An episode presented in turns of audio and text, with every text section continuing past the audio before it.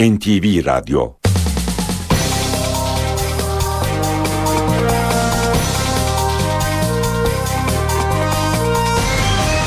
İşe giderken Mutlu sabahlar, iyi haftalar. Ben Aynur Altunkaş. Bugün 15 Temmuz Pazartesi işe giderkenle karşınızdayız. Saat 9'a kadar Türkiye ve dünya gündemindeki gelişmeleri, gazete manşetlerini, piyasa verilerini, yol ve hava durumlarını aktaracağız. Önce gündemin öne çıkan başlıklarına bakalım. Başbakan Erdoğan'ın yeni anayasaya ilişkin uzlaşılan 48 maddeyi meclise getirelim önerisi için MHP lideri Devlet Bahçeli zamansız ve gereksiz dedi. Bu değerlendirmeye AK Parti'den tepki gecikmedi. Başbakan yardımcısı Bekir Bozdağ MHP ilk görüşünden dönmüş dedi. AK Parti sözcüsü Hüseyin Çelik de MHP'yi tutarsızlıkla suçladı.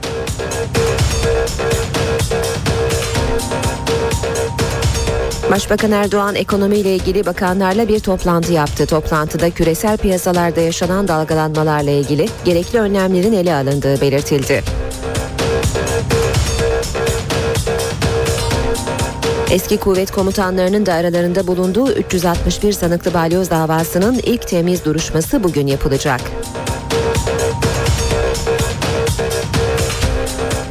Adalet Bakanlığı Palalı saldırgan Sabri Çelebi hakkındaki yakalama kararının UYAP sistemindeki arıza nedeniyle anında sisteme girilemediği iddialarını yalanladı. Avrupa Birliği Dış İlişkiler ve Güvenlik Politikası Yüksek Temsilcisi Catherine Ashton, Mısır'da yönetime el koyan orduyu uyardı. Atanan yönetimi gayrimeşru ilan eden Ashton, ordu sivil iktidarın anayasal yetkisini kabul etmeli diye konuştu.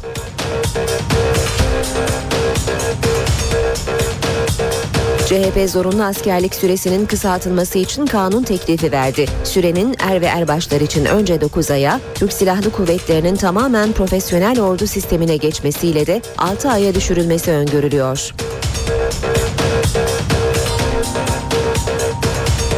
Ulaştırma, Denizcilik ve Haberleşme Bakanı Binali Yıldırım, 3. köprü güzergahında yanlışlık yapıldığı iddialarına yanıt verdi. NTV yayınına konuk olan Yıldırım, değişikliğin proje başlamadan çevreyi korumak için yapıldığını söyledi. Öğretmen adayları mesleğe başlayabilmek için alan sınavını da geçmek zorunda. Alan sınavı dün ilk kez yapıldı ve sınava 150 bin öğretmen adayı katıldı.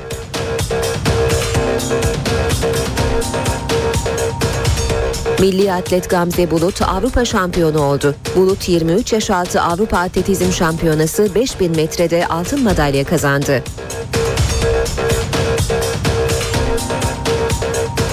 Fenerbahçe'de gözler UEFA kararına çevrildi. Tahkim kurulunun sarı lacivertli kulüple ilgili kararını bugün açıklaması bekleniyor.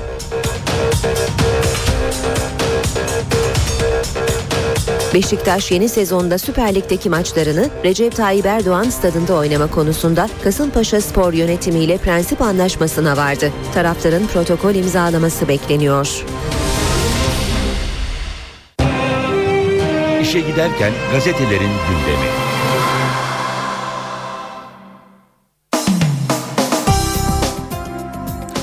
Gündemdeki gelişmelerin gazetelerdeki yankılarına bakacağız.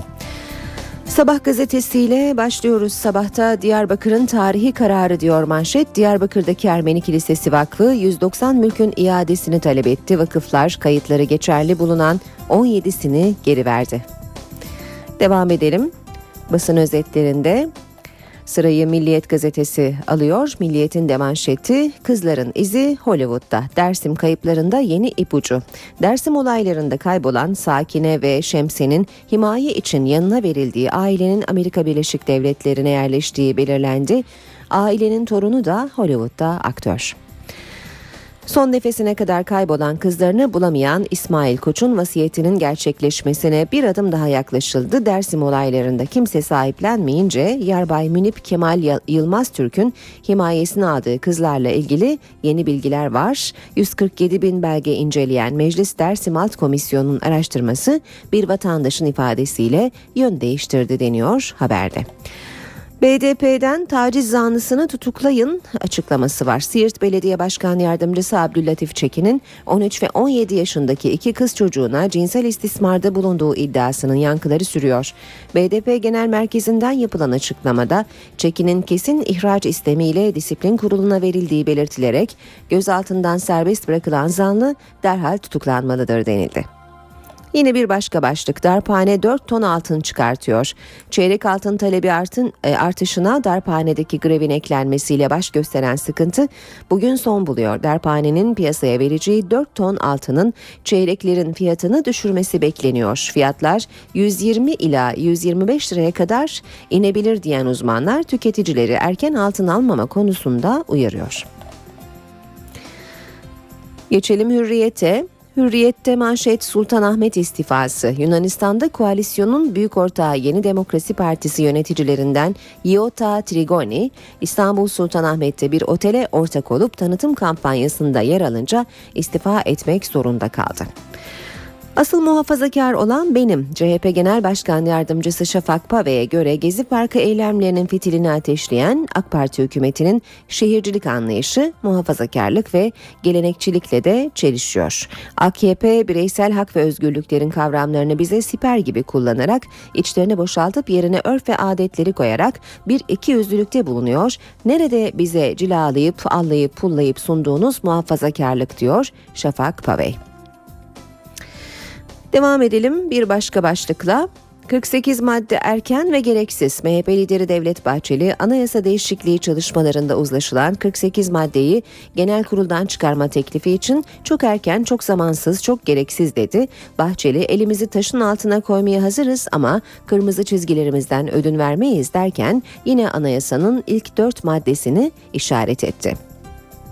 Habertürk gazetesinde de manşet 5 kuruşluk itibarın var. Anayasanın 48 maddesini yasalaştırmak için yeşil ışık yakan MHP U dönüşü yaptı. AK Parti'den Bahçeli'ye itibarsız tepkisi geldi. Devam ediyoruz. Bir başka başlıkla fiyat düşmedi oteller dolu. TÜRSAP Başkanı Başaran Ulusoy gezinin turizme etkisini anlattı. Yandık bittik edebiyatına gerek yok. Oteller dolu fiyatlar düşmedi. Kalekol inşaatına fidye baskını, Hakkari Çukurca'daki Kalekol inşaatını basan PKK'lı grup, eski AK Parti Bağlar Belediye Başkan adayı Ali Elbey'in müteahhit kardeşi Mehmet Elbey'i kaçırdı, 15 milyon lira fidye istedi. Şampiyona okul puanı darbesi. Mahmut Ülker SBS'de full çekti. 700'ten puan alan 110 öğrenciden biri oldu. Ancak %50 etkili olan okul başarı puanı yüzünden 736 sıra geriye düştü. Onun gibi 94 öğrenci var. Cumhuriyet gazetesi var sırada. Beş çocuğum aç diyor Cumhuriyet manşette. Gezi eylemcileri cezaevindeki zulmü anlattı. Metris'ten bir babanın çığlığı yükseldi. CHP'li A baba ve Özel cezaevine uğradı de uğradıkları kötü muameleyi Yıldırım Telgraf'la Adalet Bakanı'na duyurdukları öğrencilerin de aralarında bulunduğu 9 kişiyle cezaevinde görüştü. Halkı isyana teşvik suçlamasıyla tutuklanan ve buna kanıt olarak da sattığı Atatürklü Türk bayrakları gösterilen Ali Sarıçiçek, Metris'ten 5 çocuğum aç diye isyan etti. Devam ediyoruz. Yine Cumhuriyet'ten bir başlık Gezi için denizde durdular. Bodrum'un Gümüşlük beldesinde Gezi Parkı eylemine destek için yerel şivede durma anlamına gelen durup duru eylemi gerçekleştirildi. Yaklaşık 500 kişi Tavşan Adası ve sahil kesiminin sonuna kadar el ele tutuşup zincir oluşturdu. Yaklaşık 20 dakika süren eyleme Türkiye'nin birçok bölgesinden gelen tatilciler de katıldı. Erdoğan'dan Gözdağı başlıklı haberi de aktaralım. Tencere tava eylemcileri için İçişleri Bakanı'na müdahale edin talimatı verdi. Gezi eylemcilerine polis şiddeti sürerken Başbakan Erdoğan'dan protestoculara yeni bir gözdağı geldi. Yurttaşın tencere tava çalmasını suç olarak niteleyen Erdoğan, İçişleri Bakanı Güler'e yasal anlamda gerekli müdahaleyi yapması için talimat verdiğini açıkladı. Erdoğan'ın hükümetin uygulamalarına yönelik bu protestoları gürültü kirliliği diye nitelemesi dikkat çekti. Geçiyoruz Zaman Gazetesi'ne Güneydoğu üniversite öğrencilerini bekliyor. Güneydoğu'daki üniversitelerde görev yapan rektörler tercih dönemi öncesi öğrencilere seslendi. Geleceğin mimarı gençlerimize buraları tanıtmak istiyoruz diyen rektörler hem eğitim kalitesi hem de imkanlar açısından hiçbir eksiklerinin bulunmadığını söyledi. Yeni Şafak'ta manşet hiç değilse ateşkes. Suriye'de çözüm zamanı. Türkiye ve İran Dışişleri Bakanlarının Suriye'de ateşkes ilan edilsin çağrısı barış için umut olurken iki ülkenin ortaklığını yeniden gündeme getirdi. Uzmanlar bölgenin iki önemli aktörü Ankara ve Tahran'ın işbirliğiyle Suriye'deki krize çözüm bulunabileceği görüşünde. Radikalle devam edelim. Radikalde manşet. Süleyman Yeter'in katil zanlısı polis tutuklandı. 13 yıl sonra yakalandı. Ahmet Okuducu sendikacı Yeter'i işkencede öldürmekle suçlanıyordu. 2000'den beri firardaydı. Bir ay önce Samsun'da yakalanıp hapse atıldı. İşkenceyle mücadelenin sembol davalarından birinde 13 yıl sonra önemli bir adım atıldı. Kırmızı bültenle aranan eski komiser yardımcısı Ahmet Okuducu'nun bir ay önce yakalanıp cezaevine konulduğu ortaya çıktı. Okuducu yeter 2-3 saat sorgudan sonra fenalaştı. Sehpaya kafasını çarptı. Hastaneye götürdüğümde sağdı dedi. Hapse konulan okuducu işkence raporunu veren hekimi de örgüt üyesi olmakla suçladı. Devam edelim akşam gazetesiyle. Akşam Kırım Kongo ile milli mücadele diyor manşette. Bulaşıcı hastalıklara karşı Türk malı aşı üretilecek. Başbakan Erdoğan'ın milli hap ve milli aşı talebinin ardından TÜBİTAK harekete geçti. Proje çerçevesinde hepatit B, kızamık, kaba kulak, kuduz, Kırım Kongo kanamalı ateş hastalıkları için de milli aşı hedefleniyor.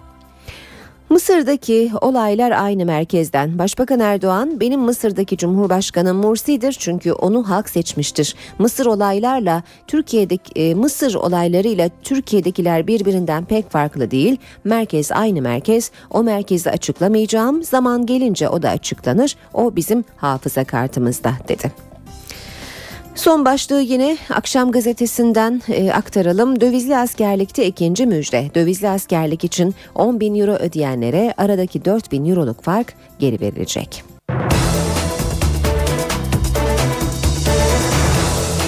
Saat 7.19 NTV Radyo'da işe giderken gündemin ayrıntılarıyla sürüyor. Başbakan Tayyip Erdoğan'ın yeni anayasaya ilişkin uzlaşılan 48 maddeyi meclise getirelim önerisi için MHP lideri Devlet Bahçeli zamansız ve gereksiz dedi. Bu değerlendirmeye AK Parti'den tepki gecikmedi. Başbakan yardımcısı Bekir Bozdağ MHP ilk görüşünden dönmüş dedi. AK Parti sözcüsü Hüseyin Çelik de MHP'yi tutarsızlıkla suçladı. 48 maddenin Meclis Genel Kurulu'na getirilmesi çok erken, çok zamansız ve çok da gereksizdir. MHP lideri Devlet Bahçeli'nin bu sözleri tartışma başlattı. Bahçeli yeni anayasa çalışmasında uzlaşılan 48 maddenin meclise getirilmesi önerisine kapılarını kapattı. Hatta 2015 seçimlerinden sonraya bırakılmasını istedi. Oysa daha 48 saat önce MHP Grup Başkan Vekili Mehmet Şandır 48 maddeye koşulsuz destek mesajı verdi. Hükümet de tepkisini bunun üzerinden yöneltti. Sayın Bahçeli ile istişare etmeden konuşması, bu gibi böyle bir konuda açıklama yapması e, pek e, olası gözükmüyor. Ee, ama öyle görünüyor ki Milliyetçi Hareket Partisi yeniden bir değerlendirme yapıp önce evet dediği görüşten şimdi dönmüş durumdadır. MHP çok kalabalık bir parti olsa diyeceğiz ki birbirleriyle irtibat kur, kurmada zorlanıyorlar. Dolayısıyla bu irtibatsızlıktan dolayı böyle bir yol kazasına uğramış olabilirler. Ama topu topu avuç kadar milletvekiliniz var arkadaşlar. Ve MHP'nin anayasanın ilk dört maddesi konusundaki kırmızı çizgileri. Bunlar yalnızca Milliyetçi Hareket Partisi'nin değil, aynı zamanda Türk milletinin kıpkırmızı çizgileridir.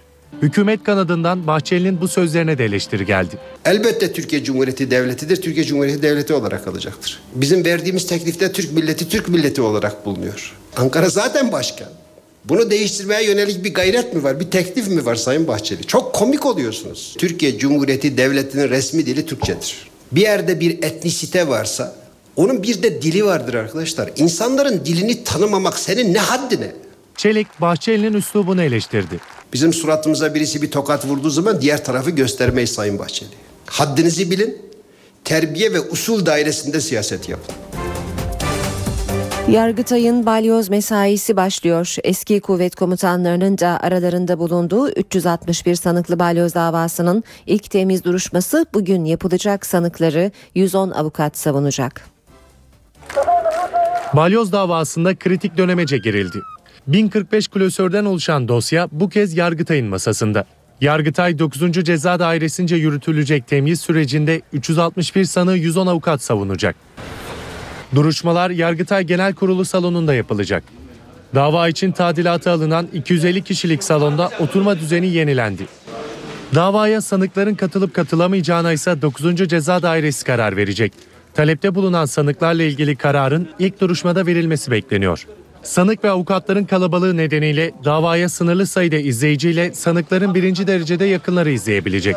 Yer sıkıntısı sebebiyle davayı yalnızca akredite 35 gazeteci takip edebilecek. Avukatların savunmalarının yetişmemesi durumunda mahkeme 20 Temmuz'da başlayacak adli tatil sürecinde de çalışacak.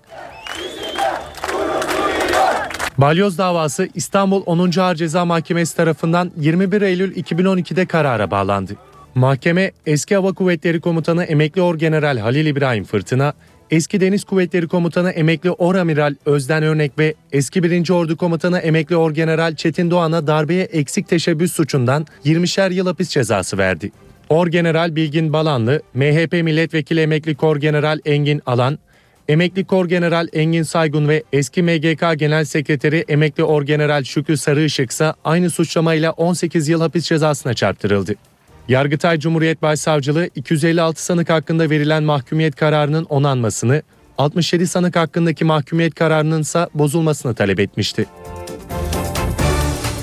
Yargıtay Başkan Ali Alkan'ın Genelkurmay Başkanı Orgeneral Necdet Özel'i Cuma günkü ziyaretinde devam eden davalarla ilgili görüşme yapılmadığını bildirdi. Yargıtay'dan yapılan açıklamada Başkan Alkan'ın Özel'i ziyaretinde balyoz davasına ilişkin görüş alışverişinde bulunulduğu yönündeki iddialar yalanlandı. Yargıtay Başkanı Alkan'ın Meclis Başkanı Cemil Çiçek'e ve Orgeneral Özel'e adli yıl açılış davetiyesi vermek için nezaket ziyaretinde bulunduğu belirtilen açıklamada ziyaret sırasında devam eden davalarla ilgili görüşme yapılmadığı gibi herhangi bir yardım talebinde de bulunulmamıştır denildi. Adalet Bakanı Palalı saldırgan Sabri Çelebi hakkındaki yakalama kararının UYAP sistemindeki arıza nedeniyle anında sisteme girilemediği iddialarını yalanladı. Bakanlıktan yapılan yazılı açıklamada Çelebi'nin 7 Temmuz'da sorgusunun ardından serbest bırakıldığı, 9 Temmuz'da da bu karara itiraz evrakının değerlendirmeye alındığı belirtildi. İstanbul 1. Ağır Ceza Mahkemesi'nin 12 Temmuz'da yeniden yakalama emrini onayladığı bildirildi. Açıklamada 12 Temmuz'da saat 12'de onayları tamamlanan yakalama evrakı tüm Türkiye genelindeki kolluk birimlerince anlık olarak sorgulanabilir hale gelmişti ifadesi kullanıldı. Palalı saldırganın cuma günü yurt dışına kaçtığı ortaya çıkmıştı.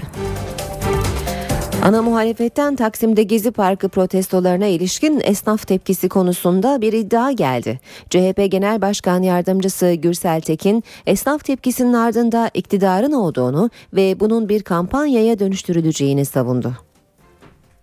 Aldığımız duyuma göre bu kışkırtmayı kısa adı TESCOM olan kuruluşa yaptıracaklar. Bu kuruluş büyük bir kampanya düzenliyor. Kampanyayı pazartesi günü Taksim Meydanı'nda düzenlenecek toplantıyla stand alacaklar. Gezi eylemlerine son esnaf yüzde yüz zarar gibi benzer sloganlarla profesyonel bir rek- reklam şirketiyle e, anlaşmışlar. CHP Genel Başkan Yardımcısı Gürsel Tekin, Beyoğlu esnafının Gezi Parkı protestolarına yönelik tepkisinin arkasında AK Parti olduğunu iddia etti. Tekin, bu amaçla hazırlanacak kampanya için bir firmanın görevlendirildiğini savundu. Kampanyanın İngilizce versiyonu da tasarlanmış. Bu kuruluşun başkanı Kadir Akgün, önceki dönem Yozgat AKP milletvekili. CHP'li Tekin, Beyoğlu esnafını bekleyen asıl tehlikenin alışveriş merkezleri olduğunu söyledi. 250 tane AVM'si olan bir tek şehir var, o da İstanbul. Onun mimarı da Tayyip Erdoğan'dır, onun mimarı da Kadir Topbaş'tır ve AKP iktidarıdır. 250 tane AVM ne demektir biliyor musunuz? On binlerce esnafın kepenk kapatması demektir. Tekin, Başbakan Recep Tayyip Erdoğan'ın Gezi Parkı olayları sonrasındaki tutumuna da tepki gösterdi. Bizde kaset var, CD var bunları açıklayacağız demişti. E, yüreğiniz yetiyorsa açıklayın. Hadi açıklayın. Ankara'da Gezi Parkı olaylarına destek için toplanan gruba polis müdahale etti. İki kişi gözaltına alındı. Dikmen Caddesi'nde toplanan grup barikat kurup yolu trafiğe kapattı. Gruba tazikli su ve biber gazıyla müdahale edildi. Polis müdahalenin ardından ara sokaklara kaçan göstericilerden iki kişiyi gözaltına aldı. Eskişehir'deki Gezi Parkı eylemleri sırasında dövülerek öldürülen Ali İsmail Korkmaz için memleketi Hatay'da eylem yapan gruba polis müdahale etti. Hatay merkeze bağlı Armutlu mahallesinde toplanan kalabalık grubun eylemi yaklaşık 4 saat sürdü. 3 ayrı noktadan polise havai fişek, sapan ve bilye atıldı. Mahalle girişinde bulunan bir apartmanın çatısındaki eylemciler ateşe verdikleri mobilyaları polis araçlarına doğru attı. Polis göstericilere biber gazı ve tazikli suyla müdahale etti etti. Bir gazeteci bazı göstericiler tarafından darp edildi. Hatay valisi Celalettin Lekesi son 4 günde bir uzman çavuş, 8 polis memuru ve 16 vatandaşın yaralandığını açıkladı. İşe giderken Öğretmen adayları mesleğe başlayabilmek için alan sınavını da geçmek zorunda. Alan sınavı dün ilk kez yapıldı ve sınava 150 bin öğretmen adayı katıldı. Açıkçası hani çalıştığımız gibi gelmedi. Hani bize o konu dağılımında söylediklerini sormadılar. Herkesin kolay geçti. Bu sınavın da ben çok ayırt edici olduğunu düşünmüyorum. Çünkü gene bir yığılma olacak belli bir noktada. Öğretmen olabilmek için önce YGS ve LYS'de ardından da KPSS'de ter döken öğretmen adayları bu kez de alan sınavına girdi. ÖSYM tarafından ilk kez düzenlenen öğretmenlik alan bilgisi testine 150.174 branş öğretmeni adayı katıldı. 75 dakika süren sınav 17 ilde yapıldı. Adaylar aralarında Türkçe, matematik, fizik, kimya gibi branşların bulunduğu 15 alanda soruları yanıtladı. Sınavın ardından öğretmen adayları birkaç ay önce duyurulan sistem değişikliğine tepkiliydi. Sınıfçılar evde yatıyor, okul öncesi evde yatıyor. Bize bu sınav geldi. 50 soru için şehir dışından geldik. Maç oynanırken kural değişmez. Şubat ayında itibaren alan sınavı yapılacak söyleniyorsa 3-4 aylık elimizde kitap olmadan hazırlanıp bu şekilde olmaz. Milletvekillerine de bu sınav 3 sınav uygulansın. Yani son sistem değiştirildi. Son 2 ay kala değiştirildi sınav sistemi ve bu sınav bize uygulandı yani. Biz bunları hak etmiyoruz. Zaten üniversite sınavını kazanarak girdik. Bir de 3 sınava tabi tutuluyoruz. Branş öğretmenlerinin atanmasında %50 KPSS puanı, %50 alan sınavı puanı etkili olacak. CHP zorunlu askerlik süresinin kısaltılması için kanun teklifi verdi. Teklifle zorunlu askerlik süresinin er ve erbaşlar için önce 9 aya, Türk Silahlı Kuvvetleri'nin tamamen profesyonel ordu sistemine geçmesiyle de 6 aya düşürülmesi öngörülüyor. 6 aya indirilmesi planlanan yedek subaylık süresinin ise zaman içinde 4 ayla sınırlandırılması isteniyor. Çevre ve Şehircilik Bakanlığı Türkiye'nin gürültü haritasını çıkaracak. Bunun için İstanbul, Ankara, İzmir, Bursa ve Kocaeli dahil 14 ilde karayolu, hava yolu ve demir yolu gibi alanlarda ölçüm yapılacak. Avrupa Birliği destekli 6 milyon euroluk projenin 30 ayda bitirilmesi planlanıyor. Başbakan Erdoğan'ın yeni anayasaya ilişkin uzlaşılan 48 maddeyi meclise getirelim önerisi için MHP lideri Devlet Bahçeli zamansız ve gereksiz dedi. Bu değerlendirmeye AK Parti'den tepki gecikmedi. Başbakan yardımcısı Bekir Bozdağ MHP ilk görüşünden dönmüş dedi. AK Parti sözcüsü Hüseyin Çelik de MHP'yi tutarsızlıkla suçladı.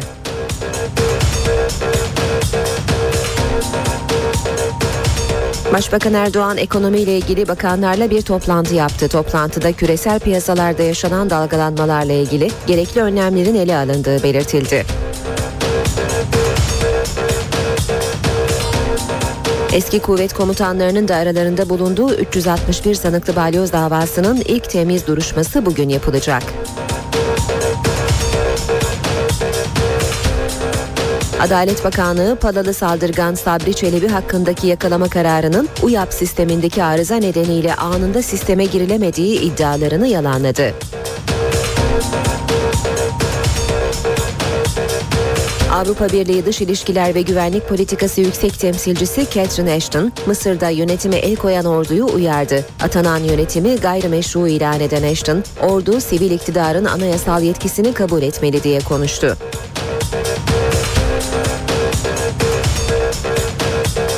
CHP zorunlu askerlik süresinin kısaltılması için kanun teklifi verdi. Sürenin er ve erbaşlar için önce 9 aya, Türk Silahlı Kuvvetleri'nin tamamen profesyonel ordu sistemine geçmesiyle de 6 aya düşürülmesi öngörülüyor. Ulaştırma, Denizcilik ve Haberleşme Bakanı Binali Yıldırım, 3. köprü güzergahında yanlışlık yapıldığı iddialarına yanıt verdi. NTV yayınına konuk olan Yıldırım, değişikliğin proje başlamadan çevreyi korumak için yapıldığını söyledi. Öğretmen adayları mesleğe başlayabilmek için alan sınavını da geçmek zorunda. Alan sınavı dün ilk kez yapıldı ve sınava 150 bin öğretmen adayı katıldı.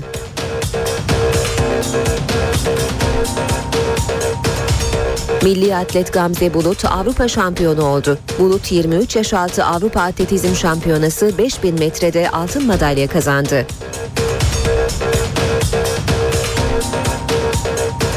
Fenerbahçe'de gözler UEFA kararına çevrildi. Tahkim kurulunun sarı lacivertli kulüple ilgili kararını bugün açıklaması bekleniyor.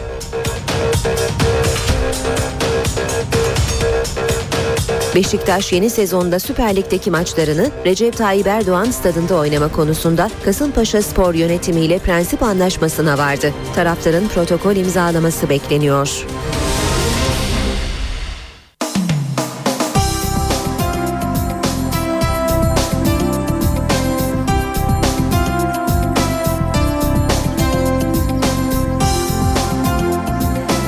Gazetelerin manşetlerine göz atalım ardından spor sayfalarını çevireceğiz. Milliyet Gazetesi ile başlayalım. E, Milliyet Gazetesi'nde manşet Kızların izi Hollywood'da, Dersim kayıplarında yeni ipucu. Dersim olaylarında kaybolan Sakine ve Şemse'nin himaye için yanına verildiği ailenin Amerika Birleşik Devletleri'ne yerleştiği belirlendi. Ailenin torunu da Hollywood'da aktör. Hürriyet gazetesinde manşet Sultanahmet istifası. Yunanistan'da koalisyonun büyük ortağı Yeni Demokrasi Partisi yöneticilerinden Iota Trigoni, İstanbul Sultanahmet'te bir otele ortak olup tanıtım kampanyasında yer alınca istifa etmek zorunda kaldı. Radikal'in manşeti 13 yıl sonra yakalandı. Süleyman Yeter'in katil zanlısı polis tutuklandı. Ahmet Okuducu sendikacı Yeter'i işkencede öldürmekle suçlanıyordu. Ekibinden beri firardaydı. Bir ay önce Samsun'da yakalanıp hapse atıldı. Cumhuriyet gazetesinde manşet 5 çocuğum aç. Gezi eylemleri ceza gezi eylemcileri cezaevindeki zulmü anlattı. Metris'ten bir babanın çığlığı yükseldi. CHP'li A baba ve Özel cezaevinde uğradıkları kötü muameleyi Yıldırım Telgraf'la Adalet Bakanı'na duyurdukları öğrencilerin de aralarında bulunduğu 9 kişiyle cezaevinde görüştü. Halkı isyana teşvik suçlamasıyla tutuklanan ve buna kanıt olarak da sattığı Atatürklü Türk bayrakları gösterilen Ali Sarıçı Çiçek Metris'ten 5 çocuğum aç diye isyan etti. Sabahta manşet Diyarbakır'ın tarihi kararı. Diyarbakır'daki Ermeni Kilisesi Vakfı 190 mülkün iadesini talep etti. Vakıflar kayıtları geçerli bulunan 17'sini geri verdi. Habertürk'te ise Bahçeli'nin anayasa çarkına sert yanıt 5 kuruşluk itibarın var. Başlığı manşete. Anayasanın 48 maddesini yasalaştırmak için yeşil ışık yakan MHP U dönüşü yaptı. AK Parti'den Bahçeli'ye itibarsız tepkisi geldi. Akşamda manşet Kırım Kongo ile milli mücadele bulaşıcı hastalıklara karşı Türk malı aşı üretilecek. Başbakan Erdoğan'ın milli hap ve milli aşı talebinin ardından TÜBİTAK harekete geçti. Proje çerçevesinde hepatit B, kızamık, kaba kulak, kuduz, Kırım Kongo kanamalı ateşi hastalıkları içinde milli aşı hedefleniyor. Zamanda manşet Güneydoğu üniversite öğrencilerini bekliyor. Güneydoğu'daki üniversitelerde görev yapan rektörler tercih dönemi öncesi öğrencilere seslendi. Geleceğin mimarı gençlerimize buraları tanıtmak istiyoruz diyen rektörler hem eğitim kalitesi hem de imkanlar açısından hiçbir eksiklerinin bulunmadığını söyledi. Ve Yeni Şafak'ta manşet hiç değilse ateşkes. Türkiye ve İran Dışişleri Bakanlarının Suriye'de ateşkes ilan edilsin çağrısı barış için umut olurken iki ülkenin ortaklığını yeniden gündeme getirdi. Uzmanlar bölgenin iki önemli aktörü Ankara ve Tahran'ın işbirliğiyle Suriye'deki krize çözüm bulunabileceği görüşünde. Şimdi de gazetelerin spor sayfalarına bakalım. Önce Milliyet gazetesinin sayfalarını çevirelim. Ersun Yanal dört köşe diyor Milliyet. Fenerbahçe'nin hocası oyuncularının ilk 15 günlük performansı karşısında şaşkınlığını gizleyemedi. Yaşanan bunca olumsuzluğa rağmen karşımda beklediğimden iyi bir takım buldum diyen Ersun Yanal asıl maratonun bu haftadan sonra başlayacağını belirtti. Gözler UEFA'ya çevrildi. Tahkim kurulunun Fenerbahçe'nin dosyasını bugün veya yarın karara bağlaması bekleniyor. Geçen hafta ortası tanıklar eşliğinde sıkı bir savunma yapan sarı lacivertli yöneticilerin hay, e, hayli umutlu oldukları gözlendi. Aslanın rüyası St. George Park. Florya Metin Oktay tesislerine veda kararı alan Sarı Kırmızılıların bir süredir İngiltere, Fransa, İtalya ve Amerika milli takımlarının tesislerini incelediği ortaya çıktı. İngilizlerin St. George Park Ulusal Futbol Merkezi'ne hayran kalan Jim Bom, futbolla birlikte diğer branşlarını da yeni spor kompleksine taşımayı planlıyor. Ucuz Çilek projesi Fatih Terim'in bir yılda bin oyuncu izlettiği öğrenildi. Sarı Kırmızılılar genç yaşta ucuza alacağı Yıldız adayını kendisi yetiştirmek istiyor. Devam edelim. Bilic'te fedacı başlığıyla Beşiktaş Teknik Direktörü Slaven Bilic, Adebayor'un transferinde mali durumun göz önünde tutulması gerektiğini belirtti. O olmazsa pahalı olmayan başka bir oyuncu da alabiliriz diye konuştu. Bilic ayrıca Türklerin mentalite olarak Hırvatlara çok yakın olduğunu da dile getirdi. Yine milliyetten başlık bulutların üzerinde 23 yaş altı Avrupa Atletizm Şampiyonası'nda 5000 metrede ülkemizi temsil eden Gamze Bulut kariyerinin en iyi derecesini yaparak altın madalyanın sahibi oldu. Pistte doping şoku 100 metrede Hüseyin Bolt'tan sonra en iyi dereceye sahip Amerikalı Tyson Gay, eski dünya rekortmeni Asava Powell ve yine 100 metrede kadınların önemli isimlerinden Jamaikalı Simpson'ın yasaklı madde testleri pozitif çıktı. Hürriyet gazetesinden haberlerle devam edelim. Yeter ki gitsin formülü diyor başlık. 700 bin eurodan vazgeçildi Galatasaray. Riera ile yolları ayırmak için bonservis parasını oyuncuya verecek. Villarreal'in yıllık 1,5 milyon euro teklif ettiği İspanyol Yıldız Cimbom'dan 3 milyon euro aldığı için öneriyi reddetti. Yöneticiler takımdan ayrılsın diye bonservis bedelini bile Riera'yı vermeye göze aldı. Bu çocuğu ortada bırakmayız. Aziz Yıldırım UEFA'da tanıklık yaptığı için Kasımpaşa'dan dışlanan Orhan Şam için konuştu. Orhan Şam'ın Kasımpaşa'dan izin alarak İsviçre'ye gitmesine karşın idmanlara alınmamasını üzüntüyle karşılayan Yıldırım'ın çocuğun mağdur olmasına izin vermeyiz Fenerbahçe'ye geri dönebilir dediği öğrenildi. Hürriyetten aktarmaya devam edelim spor başlıkları. Kadro dışı şaşkınlığı. Yönetimin kararı yabancı futbolcular üzerinde şok etkisi yarattı. Trabzonspor'un hazırlık maçlarının tamamında forma giyen Çek ve Emerson kulüp bulmaları istenince şaşkına döndü. Solbamba'nın Fransa'ya gitme ihtimalinin güçlü olduğu öğrenilirken Yanko ile Zokora'ya henüz talip çıkmadı. Kartal yeni adresi için imza atıyor. Siyah beyazlı yönetimin uzun arayışlardan sonra maçlarını oynamama kararı verdiği Recep Tayyip Erdoğan stadı için Kasımpaşa Spor'la bugün sözleşme imzalaması bekleniyor. Ve son olarak da Sabah gazetesinin spor sayfalarına bakacağız. İlk başlık umutlu bekleyiş. UEFA Tahkim Kurulu'nun Fenerbahçe ve Beşiktaş'la ilgili kararını bugün vermesi bekleniyor. Görüşmenin ve rapor yazımının uzaması halinde karar yarın açıklanacak. Bir yemin ettim ki dönemem Galatasaray'la bir yıllık sözleşmesi bulunan Drogba adaya dönmüyor. Chelsea'nin yeni hocası Mourinho eski yöneticisine yuvaya dön çağrısı yaptı. Galatasaray'a imza atarken eski kulübü Chelsea'nin patronu Roman Abramovich'e hayır diyen Drogba aynı yanıtı Londra kulübünde tekrar göreve başlayan Mourinho'ya verdi. Galatasaray'da çok mutluyum.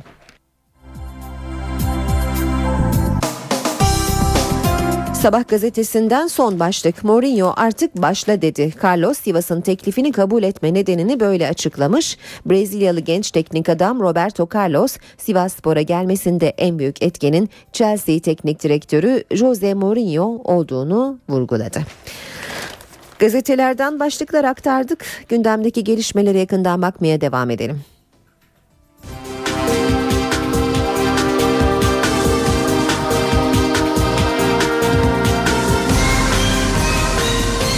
Giderken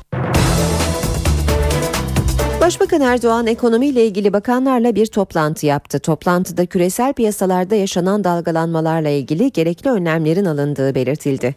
Yazılı açıklamada Başbakan Tayyip Erdoğan başkanlığında Başbakan Yardımcısı Ali Babacan, Bakanlar Mehmet Şimşek, Zafer Çağlayan ve Cevdet Yılmaz'ın uluslararası ve yurt içi finansal piyasalardaki gelişmeleri değerlendirdiği ifade edildi.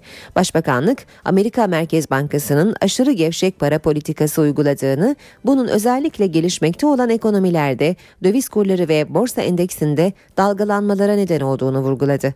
Açıklamada Merkez Bankası'nın uyguladığı ekonomik politikalar sayesinde finansal istikrarın korunduğuna yer verildi.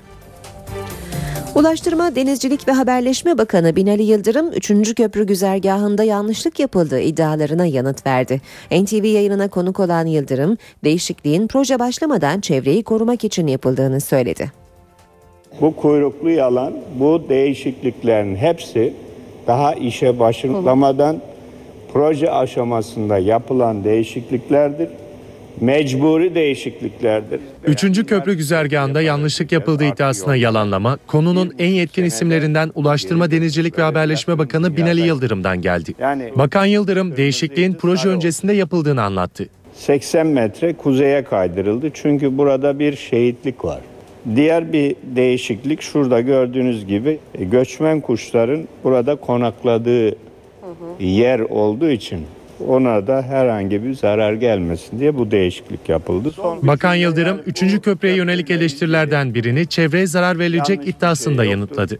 200 bin civarında ağacın yeri değiştirilmesi gerekiyor. En az 5 katı yeni ağaç dikilecek. Üçüncü köprünün tepki çeken ismi Yavuz Sultan Selim'de de bir değişiklik yapılmayacak. Ee, Yavuz Sultan Selim de bizim, Şah İsmail de bizim. Yavuz Sultan Selim'in Alevi e, e, kırımına, Alevileri katlettiğine dair iddialar soyut iddialardan öte bir şey değildir. Bakan Yıldırım, Marmaray, 3. Havalimanı ve Kanal İstanbul projelerinde gelinen noktayı anlattı. Dünyanın en büyük havalimanlarından bir tanesi oluyor. Kapasite 100 milyonların üzerinde. Evet Marmaray 29 Ekim'de bitireceğiz. 29 Ekim artık tarih verdik. Mutlaka bitecek. Gece gündüz arkadaşlar çalışıyor. Ağustos ayında zannediyorum e, deneme sürüşleri başlar. Güzergah alternatifleri belirlendi. Bu sene içerisinde e, somut adımı da Kanal İstanbul'la ilgili atmış olacağız. Bakan Yıldırım, yerel seçimlerde aday olup olmayacağı konusunda değerlendirdi. Önümüzde bir işimiz var. Ben hiçbir göreve bugüne kadar talip olmadım. E, bundan sonra da böyle bir düşüncem yok. Tarım ve Hayvancılık Bakanı Mehdi Eker doğudaki uyuşturucu operasyonlarına değindi. Uyuşturucu tarlalarının yeniden hayvancılığa kazandırılacağını söyledi. Tarihin en büyük uyuşturucu operasyonları yok. Bu şimdi çözüm sürecinin getirdiği bir şey. Oralar tekrar hayvancılığa, e, hayvancılık faaliyetlerine tekrar açık hale geliyor ki bu Doğu ve Güneydoğu Anadolu bölgesinde Türkiye'nin mera varlığının yüzde 41'i var. Bu meralar e, iyi bakılıp e, iyi yönetildiği zaman bunun iki katı kadar, mevcudun iki katı kadar hayvan besleyebilir. Mera kanunu ilgili düzenleme yaptık. Yani ıslah etmek kaydıyla hayvan bulunmayan meraların e, sınırları içerisinde köyler diyoruz ki orada eğer hayvanlar varsa onların ihtiyacı kadar merayı ayırıyoruz. Onlar duruyor. Boş alan kaldıysa boş alan olarak kalacağına o zaman orayı hazine adına taliplilerine ama proje karşılığında projesini getirecek. Diyecek ki ben burada şu ıslahı yapacağım, merayı ıslah edeceğim, şu kadar işte şu faaliyeti yapacağım. O zaman ihaleyle kiralayabilecek.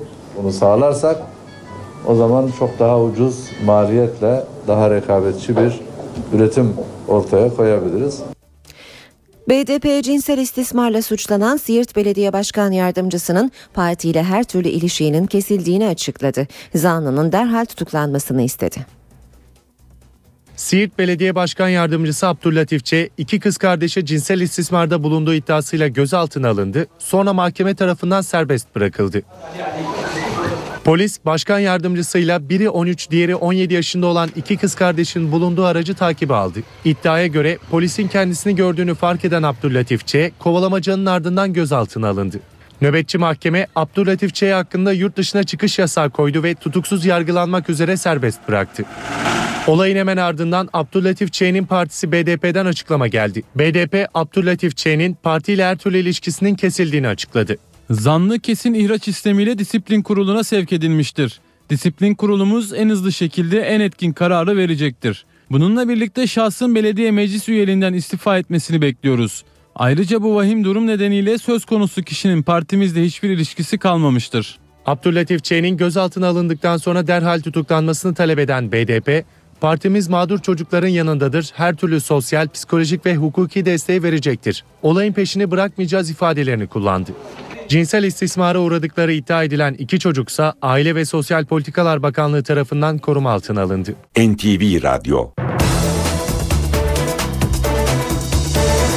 Herkese günaydın. Yeniden ben Aynur Altunkaş birazdan Gökhan Abur'la son hava tahminlerini konuşacağız. Önce gündemin başlıklarını hatırlatalım.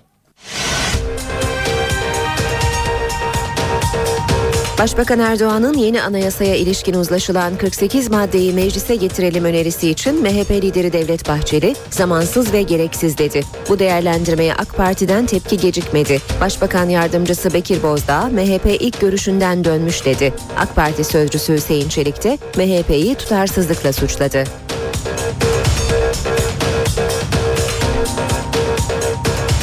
Başbakan Erdoğan ekonomiyle ilgili bakanlarla bir toplantı yaptı. Toplantıda küresel piyasalarda yaşanan dalgalanmalarla ilgili gerekli önlemlerin ele alındığı belirtildi. Eski kuvvet komutanlarının da aralarında bulunduğu 361 sanıklı balyoz davasının ilk temiz duruşması bugün yapılacak. Adalet Bakanlığı Palalı saldırgan Sabri Çelebi hakkındaki yakalama kararının UYAP sistemindeki arıza nedeniyle anında sisteme girilemediği iddialarını yalanladı. Avrupa Birliği Dış İlişkiler ve Güvenlik Politikası Yüksek Temsilcisi Catherine Ashton, Mısır'da yönetime el koyan orduyu uyardı. Atanan yönetimi gayrimeşru ilan eden Ashton, ordu sivil iktidarın anayasal yetkisini kabul etmeli diye konuştu.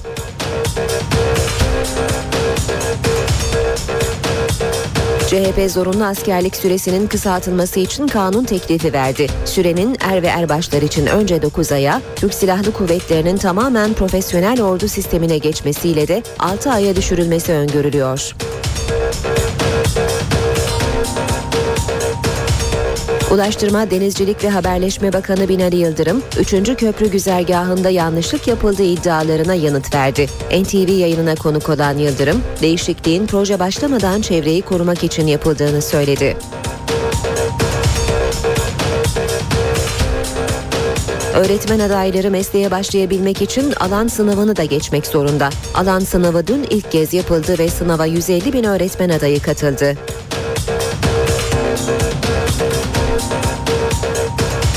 Milli atlet Gamze Bulut Avrupa şampiyonu oldu. Bulut 23 yaş altı Avrupa Atletizm Şampiyonası 5000 metrede altın madalya kazandı.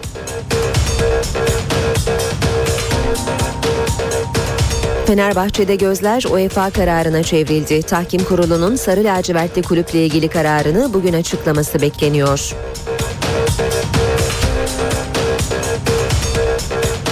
Beşiktaş yeni sezonda Süper Lig'deki maçlarını Recep Tayyip Erdoğan stadında oynama konusunda Kasımpaşa Spor yönetimiyle prensip anlaşmasına vardı. Tarafların protokol imzalaması bekleniyor. Gökhan Abur yanımızda demiştik. Günaydın Sayın Abur. Günaydın. E, bugün yurdun bazı bölgelerinde yağış var. E, kimi yerlerde de rüzgar yine kuvvetli esecek. Genel olarak neler söylersiniz hafta başında? Evet e, yeni haftaya yine Batı Karadeniz, Marmara ve Kuzey Ege'de Poyraz, Güney Ege'de ise karayel yönlü rüzgarlarla başladık. Ee, iç kesimlerde sıcaklıklar yükseliyor. Akdeniz'de, Ege'de, Doğu'da, Güneydoğu'da hızlı bir yükseliş var. Marmara'da şu an için mevsim ortalamaları civarında olan sıcaklıkların bu sert esmesini beklediğimiz rüzgarla beraber yarından itibaren biraz azalmasını bekliyoruz. Özellikle salı ve çarşamba günü Marmara bölgesinde sıcaklıklarda 2-3 derecelik azalış var. Bu azalışa bağlı olarak tabii Özellikle Trakya'da Marmara'nın e, yüksek kesimlerinde kısa süreli yağış geçişleri görülebilecek e, salı ve çarşamba günü için. Bu akşam saatlerinde de artacak bulutlanmaya bağlı olarak Trakya'da çok hafif yağış geçişleri görülürken İstanbul'un kuzey kesimlerinde de hafif yağış geçişleri görülebilir. Ama biz bugün asıl yağışları iç kesimlerde bekliyoruz. Özellikle İç Ege'de, Batı Karadeniz bölgesinin iç kesimlerinde ve İç Anadolu'nun batı kesimlerinde artacak bulutlanma öğleden sonra ve özellikle akşam saatlerinde Kütahya, Eskişehir, Bolu, Karabük, Kastamonu arasında yer yer gök gürültülü sağanaklar oluşturacak. Bu yağışlar aynı şekilde Akdeniz bölgemizde de göller bölgesi dediğimiz Isparta, Burdur arasında yine kısa süreli yağış geçişlerine sebep olacak. Ankara'da da kısa süreli yağışlar var.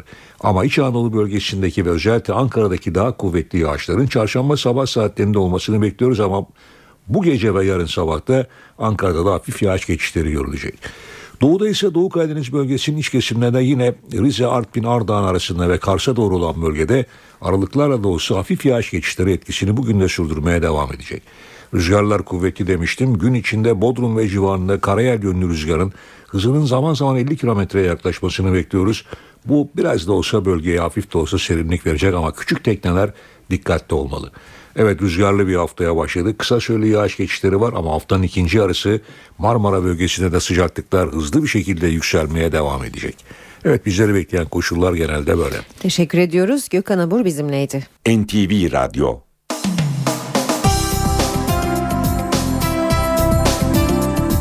Gündemdeki gelişmeler bakalım gazetelere nasıl yansımışlar? Radikal gazetesiyle başlayalım e, basın özetlerine. Radikal'de manşet 13 yıl sonra yakalandı. Süleyman Yeter'in katil zanlısı polis tutuklandı. Ahmet Okuducu sendikacı Yeter'i işkencede öldürmekle suçlanıyordu. 2000'den beri firardaydı. Bir ay önce Samsun'da yakalanıp hapse atıldı. İşkenceyle mücadelenin sembol davalarından birinde 13 yıl sonra önemli bir adım atıldı. Kırmızı bültenle aranan eski komiser yardımcısı Ahmet Okuducu'nun bir ay önce yakalanıp cezaevine konulduğu ortaya çıktı. Okuducu Yeter 2-3 saat sorgudan sonra fena fenalaştı. Sehpaya kafasını çarptı. Hastaneye götürdüğümde sağdı dedi. Hapse konulan okuducu işkence raporunu veren ha hekimi de örgüt üyesi olmakla suçladı.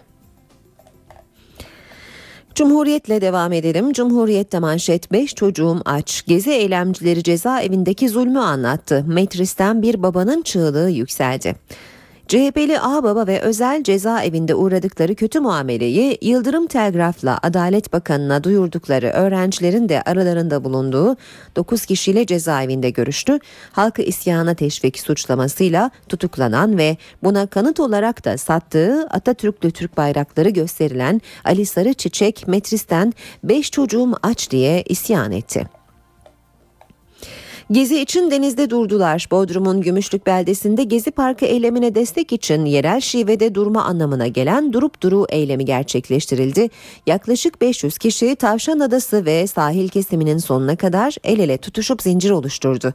Yaklaşık 20 dakika süren eyleme Türkiye'nin birçok bölgesinden gelen tatilciler de katıldı. Erdoğan'dan Gözdağ, tencere tava eylemcileri için İçişleri Bakanı'na müdahale edin talimatı verdi. Gezi eylemcilerine polis şiddeti sürerken Başbakan Erdoğan'dan protestoculara yeni bir gözdağı geldi. Yurttaşın tencere tava çalmasını suç olarak niteleyen Erdoğan, İçişleri Bakanı Güler'e yasal anlamda gerekli müdahaleyi yapması için talimat verdiğini açıkladı. Erdoğan'ın hükümetin uygulamalarına yönelik bu protestoları gürültü kirliliği diye nitelemesi dikkat çekti. Milliyet gazetesiyle devam edelim. Kızların izi Hollywood'da. Dersim kayıplarında yeni ipucu. Dersim olaylarında kaybolan Sakine ve Şemse'nin himaye için yanına verildiği ailenin Amerika Birleşik Devletleri'ne yerleştiği belirlendi. Ailenin torunu da Hollywood'da aktör. Son nefesine kadar kaybolan kızlarını bulamayan İsmail Koç'un vasiyetinin gerçekleşmesine bir adım daha yaklaşıldı. Dersim olaylarında kimse sahiplenmeyince Yarbay Münip Kemal Yılmaz Türk'ün himayesini aldığı kızlarla ilgili yeni bilgiler var. 147 bin belge inceleyen Meclis Dersim Alt Komisyonu'nun araştırması bir vatandaşın ifadesiyle yön değiştirdi. Bir diğer başlık Milliyet gazetesinden darphane 4 ton altın çıkartıyor. Çeyrek altın talebi artışına darphanedeki grevin eklenmesiyle baş gösteren sıkıntı bugün son buluyor. Darphanenin piyasaya vereceği 4 ton altının çeyreklerin fiyatını düşürmesi bekleniyor. Fiyatlar 120 ila 125 liraya kadar inebilir diyen uzmanlar tüketicileri erken altın almama konusunda uyarıyor. Yine milliyetten başlık doping depremi. Atletizm dünyası üst, e, dün üst üste gelen doping haberleriyle sarsıldı. Önce 100 metrenin Hüseyin Bolt'tan sonra en hızlı ismi olan Tyson Gay'in dopingli olduğu bilgisi geldi. Ardından kısa mesafenin bir başka önemli atleti Jamaikalı Asafa Powell ve vatandaşı kadın atlet Sharon Simpson'ın da yasaklı maddeye Simpson'da da yasaklı maddeye rastlandığı açıklandı. Hürriyetten haberlerle devam edelim. Sultanahmet istifası diyor Hürriyet manşetinde. Yunanistan'da koalisyonun büyük ortağı Yeni Demokrasi Partisi yöneticilerinden Iota Trigoni, İstanbul Sultanahmet'te bir otele ortak olup tanıtım kampanyasında yer alınca istifa etmek zorunda kaldı. Asıl muhafazakar olan benim. CHP Genel Başkan Yardımcısı Şafak Pave'ye göre Gezi Parkı eylemlerinin fitilini ateşleyen AK Parti hükümetinin şehircilik anlayışı muhafazakarlık ve gelenekçilikle çelişiyor. AKP bireysel hak ve özgürlüklerin kavramlarını bize siper gibi kullanarak içlerini boşaltıp yerine örf ve adetleri koyarak bir iki yüzlülükte bulunuyor. Nerede bize cilalayıp allayıp pullayıp sunduğunuz muhafazakarlık diyor Şafak Pave. Devam edelim Habertürk gazetesiyle Habertürk'te manşet 5 kuruşluk itibarın var. Bahçeli'nin anayasa çarkına sert yanıt. Anayasanın 48 maddesini yasalaştırmak için yeşil ışık yakan MHP U dönüşü yaptı. AK Parti'den Bahçeli'ye itibarsız tepkisi geldi.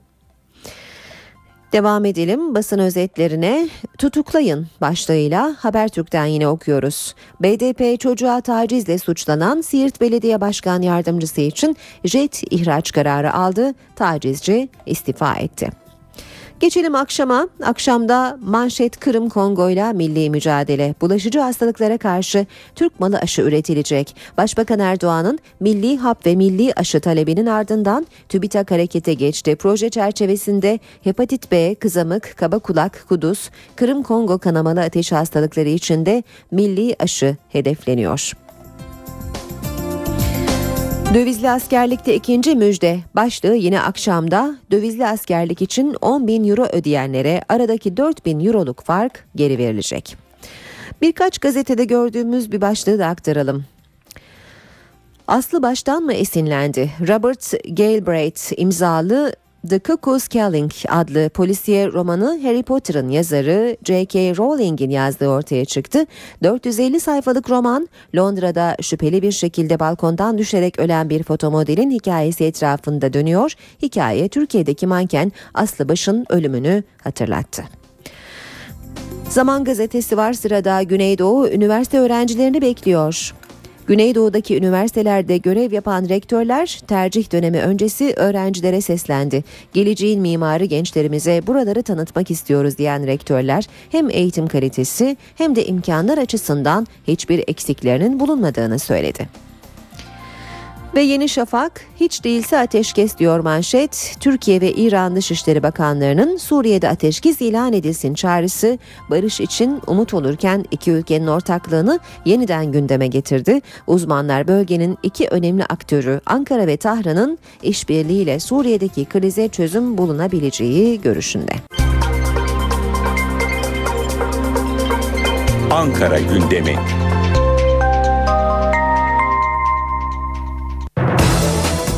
Saat 8.21 bu bölümde Ankara'dayız ve karşımızda NTV muhabiri Gökhan Gerçek var. Gökhan günaydın.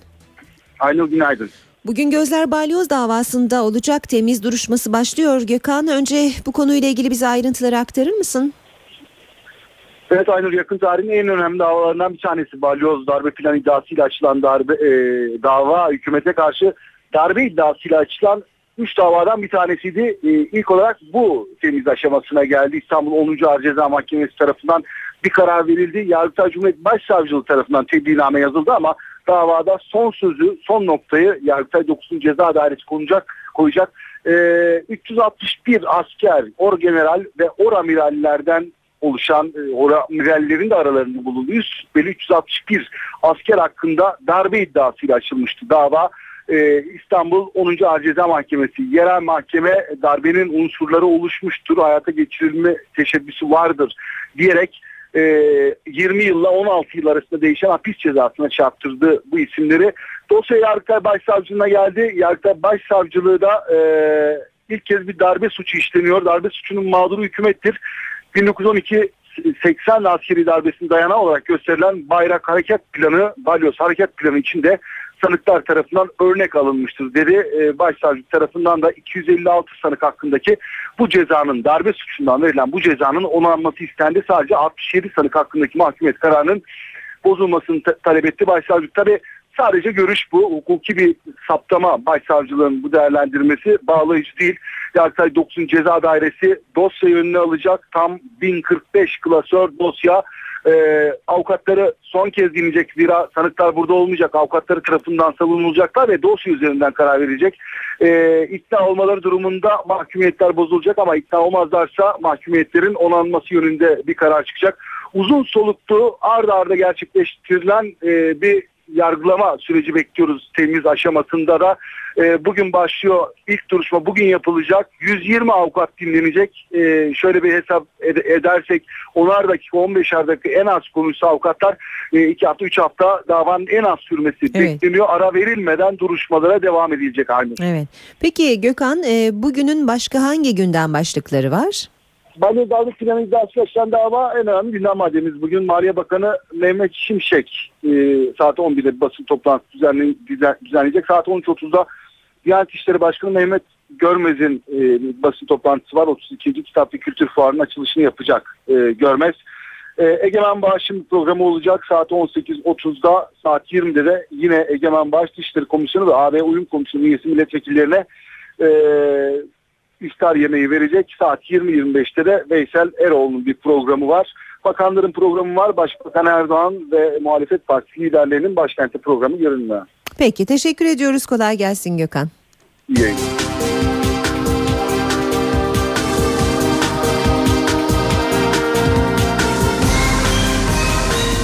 İşe giderken.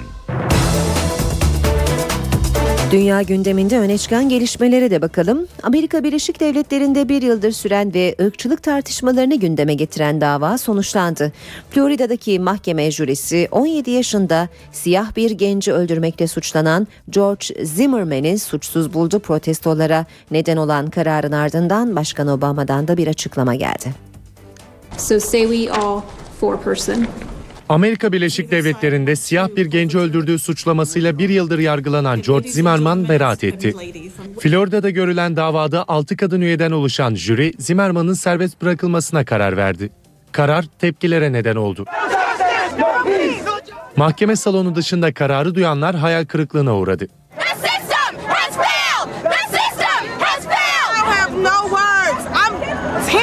Söyleyecek söz bulamıyorum. Ağlıyorum. Birini öldürerek nasıl serbest kalabilirsiniz? George Zimmerman soğukkanlı bir katil, ırkçı düşüncelerle Trayvon'u öldürdü. Karar başkent Washington, San Francisco, Chicago, Philadelphia ve Atlanta gibi kentlerde de protesto edildi. Mahkemenin kararı ülkede hassas konular olan ırkçılık, silah kontrolü ve kanun karşısında eşitlik tartışmalarını bir kez daha gündeme getirdi. Zimmerman'ın avukatları müvekkillerinin masumiyetini ispatladıklarını belirtti. Savcılığa göre ise Zimmerman yalan söyledi. George Zimmerman geçen yıl Şubat ayında yaşadığı mahallede gönüllü gece devriyesi görevi yaparken Travian Martin'i silahla öldürmüştü. Olay sonrasında Zimmerman'ı sorgulayan polis, Zimmerman'ın nefsi müdafaa sonucu siyah genci vurduğu kararına varmıştı. Almanya'da aşırı sağcı Nasyonel Sosyalist Yeraltı Örgütü'nün öldürdüğü 8'i Türk 10 kurban için anıt yapıldı. Dortmund dışında neonazi cinayetlerine sahne olan diğer 6 Alman kentinde de benzer anıtlar yapılacak. Almanya'da neonazi cinayetlerinin kurbanları anısına yapılan 10 metre uzunluğundaki anıt açıldı. Dortmund kentindeki anıtın açılışına Kuzeyren Westfalya Uyum Bakanı Guntram Schneider, Essen Başkonsolosu Şule Özkaya ve Türk kurbanlardan Mehmet Kubaşık'ın ailesi katıldı. Anıtta 2000 ile 2007 yılları arasında öldürülen 8 Türk, 1 Yunan ve 1 Alman polisin adları, öldürüldükleri kentler, tarihler ve saygıyla anıyoruz ifadesi yer alıyor. Anıtta ayrıca neonazi cinayetlerine sahne olan 7 kentin ortak açıklaması da bulunuyor. Açıklamada bizler neonazi tarafından işlenen cinayetlerin yıllarca aydınlatılmamış olmasından dolayı utanıyoruz, özür diliyoruz ve bir daha asla olmamasını diliyoruz deniliyor. Açılış töreninde konuşan Kuzeyren Westfalia Uyum Bakanı Guntram Schneider, neonazi cinayetlerini kınadı ve kurban yakınlarından özür diledi. Törenin ardından anıta beyaz güller bırakılarak saygı duruşunda bulunuldu. Neonez cinayetlerine sahne olan diğer altı kentte de benzer anıtlar inşa edilecek. Nasyonel Sosyalist Yeraltı Örgütü davası halen Münih'te devam ediyor. Mısır'da ordunun yönetime el koymasını darbe olarak nitelendirmeyen Avrupa Birliği'nden geri adım sinyali geldi. Dış İlişkiler Yüksek Temsilcisi Catherine Ashton, Mısır'da yeni atanan yönetimi gayrimeşru ilan etti. Daha önceki Avrupa Birliği açıklamalarının aksine 28 başkente danışılarak yapılan son açıklamada Mısır'daki gelişmeler endişeyle takip edilmektedir. Ordu demokratik idarenin temel prensibi olarak sivil iktidarın anayasal yetkisini kabul etmeli ve buna saygı göstermeli. Mısır'ın hızla meşru bir hükümete ve demokratik yapılara dönmesi son derece önemlidir. Avrupa Birliği mümkün olan en kısa sürede demokratik seçimlerin yapılması gereğini özellikle vurgular denildi. Mısır'da tüm siyasi güçlerin katılacağı esaslı diyalog çağrısı yapan Ashton, ülkede süreci özgür ve adil seçimlerle Mısır halkının tayin etmesi gerektiğini vurguladı. 1789 Fransız devriminin 224. yılı Paris'te görkemli bir törenle kutlandı. Şanzelize Meydanı, Bastil Günü olarak da bilinen kutlamaların her yıl olduğu gibi yine merkeziydi. Kutlamalar çerçevesinde Fransız askerleri geçit töreni düzenledi. Bu yılki geçit töreninde Fransız askerlerine Mali, Mali ve Hırvatistan askerleri de eşlik etti. Kutlamalar Cuma günü meydana gelen tren kazasının gölgesinde gerçekleşti. Cumhurbaşkanı Hollande törenlerin hemen ardından katıldığı televizyon programında ülkesinin demiryolu güvenliği için daha fazlasını yapması gerektiğini söyledi. Cuma günü Paris'in güneyinde bir istasyonda yolcu treninin 6 vagonu raydan çıkarak peronda bekleyenlerin üzerine devrilmiş 6 kişi hayatını kaybetmişti. İşe giderken BIST 100 endeksi cuma günü 2132 puan ve %2,97 artışla 73.921 puandan kapandı. Yeni haftaya dolar 1.95 euro 2.55'ten başlıyor. Euro dolar 1.31 dolar yen 99 düzeyinde. Altının onsu 1288 dolar kapalı çarşıda külçe altının gramı 82 Cumhuriyet altını 555 liradan işlem görüyor. Brent petrolün varili 109 dolar. Başbakan Erdoğan'ın yeni anayasaya ilişkin uzlaşılan 48 maddeyi meclise getirelim önerisi için MHP lideri Devlet Bahçeli zamansız ve gereksiz dedi. Bu değerlendirmeye AK Parti'den tepki gecikmedi. Başbakan yardımcısı Bekir Bozdağ MHP ilk görüşünden dönmüş dedi. AK Parti sözcüsü Hüseyin Çelik de MHP'yi tutarsızlıkla suçladı.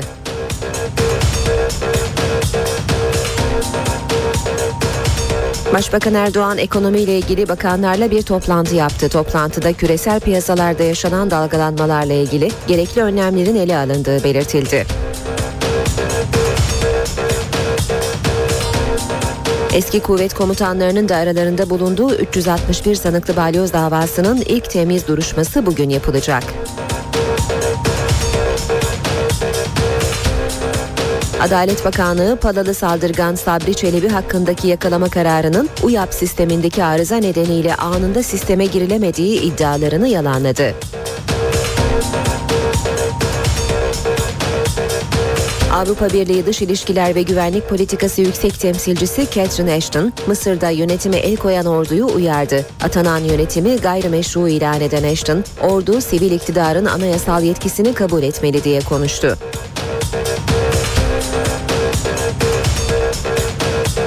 CHP zorunlu askerlik süresinin kısaltılması için kanun teklifi verdi. Sürenin er ve erbaşlar için önce 9 aya, Türk Silahlı Kuvvetleri'nin tamamen profesyonel ordu sistemine geçmesiyle de 6 aya düşürülmesi öngörülüyor.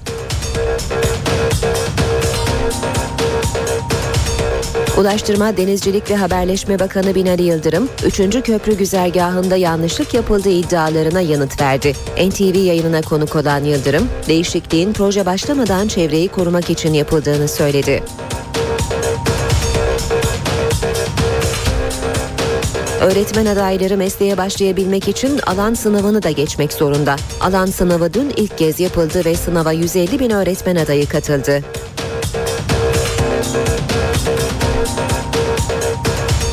Milli atlet Gamze Bulut Avrupa şampiyonu oldu. Bulut 23 yaş altı Avrupa Atletizm Şampiyonası 5000 metrede altın madalya kazandı.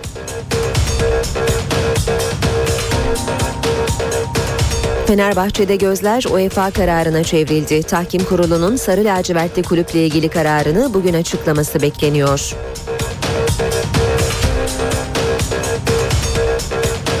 Beşiktaş yeni sezonda Süper Lig'deki maçlarını Recep Tayyip Erdoğan stadında oynama konusunda Kasımpaşa Spor yönetimiyle prensip anlaşmasına vardı. Tarafların protokol imzalaması bekleniyor.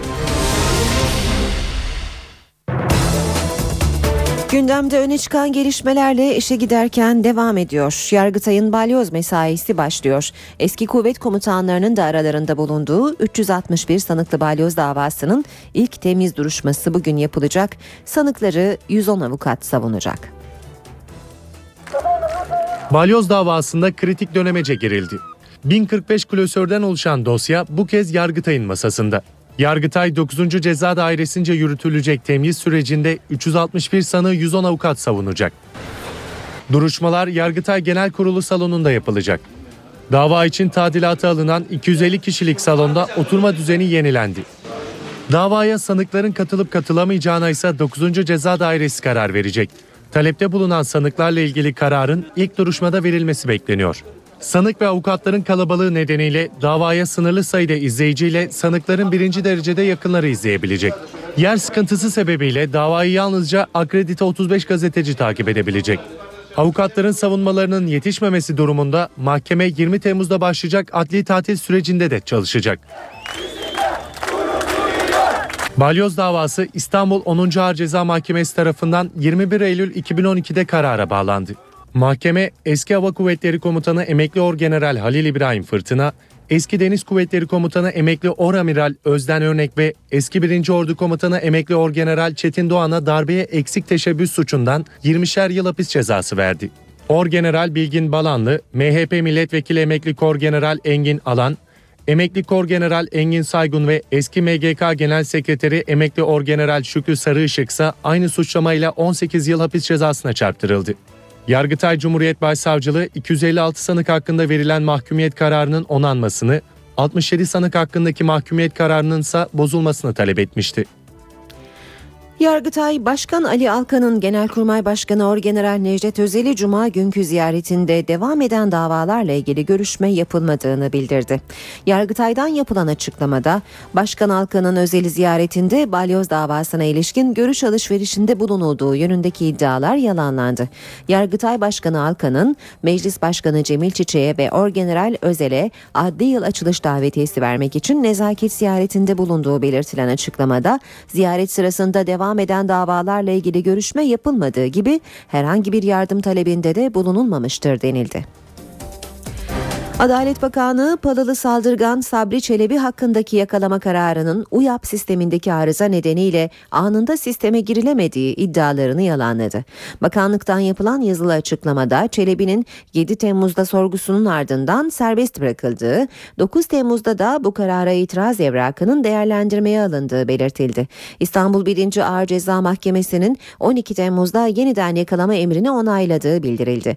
Açıklamada 12 Temmuz'da saat 12'de onayları tamamlanan yakalama evrakı tüm Türkiye genelindeki kolluk birimlerince anlık olarak sorgulanabilir hale gelmişti ifadesi kullanıldı. Paralı saldırganın cuma günü yurt dışına kaçtığı ortaya çıkmıştı. Bu haberle işe giderken sona eriyor. Gelişmelerle saat başında yeniden birlikte olacağız. Editör masasında Safiye Kılıç, teknik masada Murat Çelik ve Emre Köseoğlu ve ben Aynur Altunkaş. Mutlu bir gün geçirmenizi diliyorum. Hoşçakalın. NTV Radyo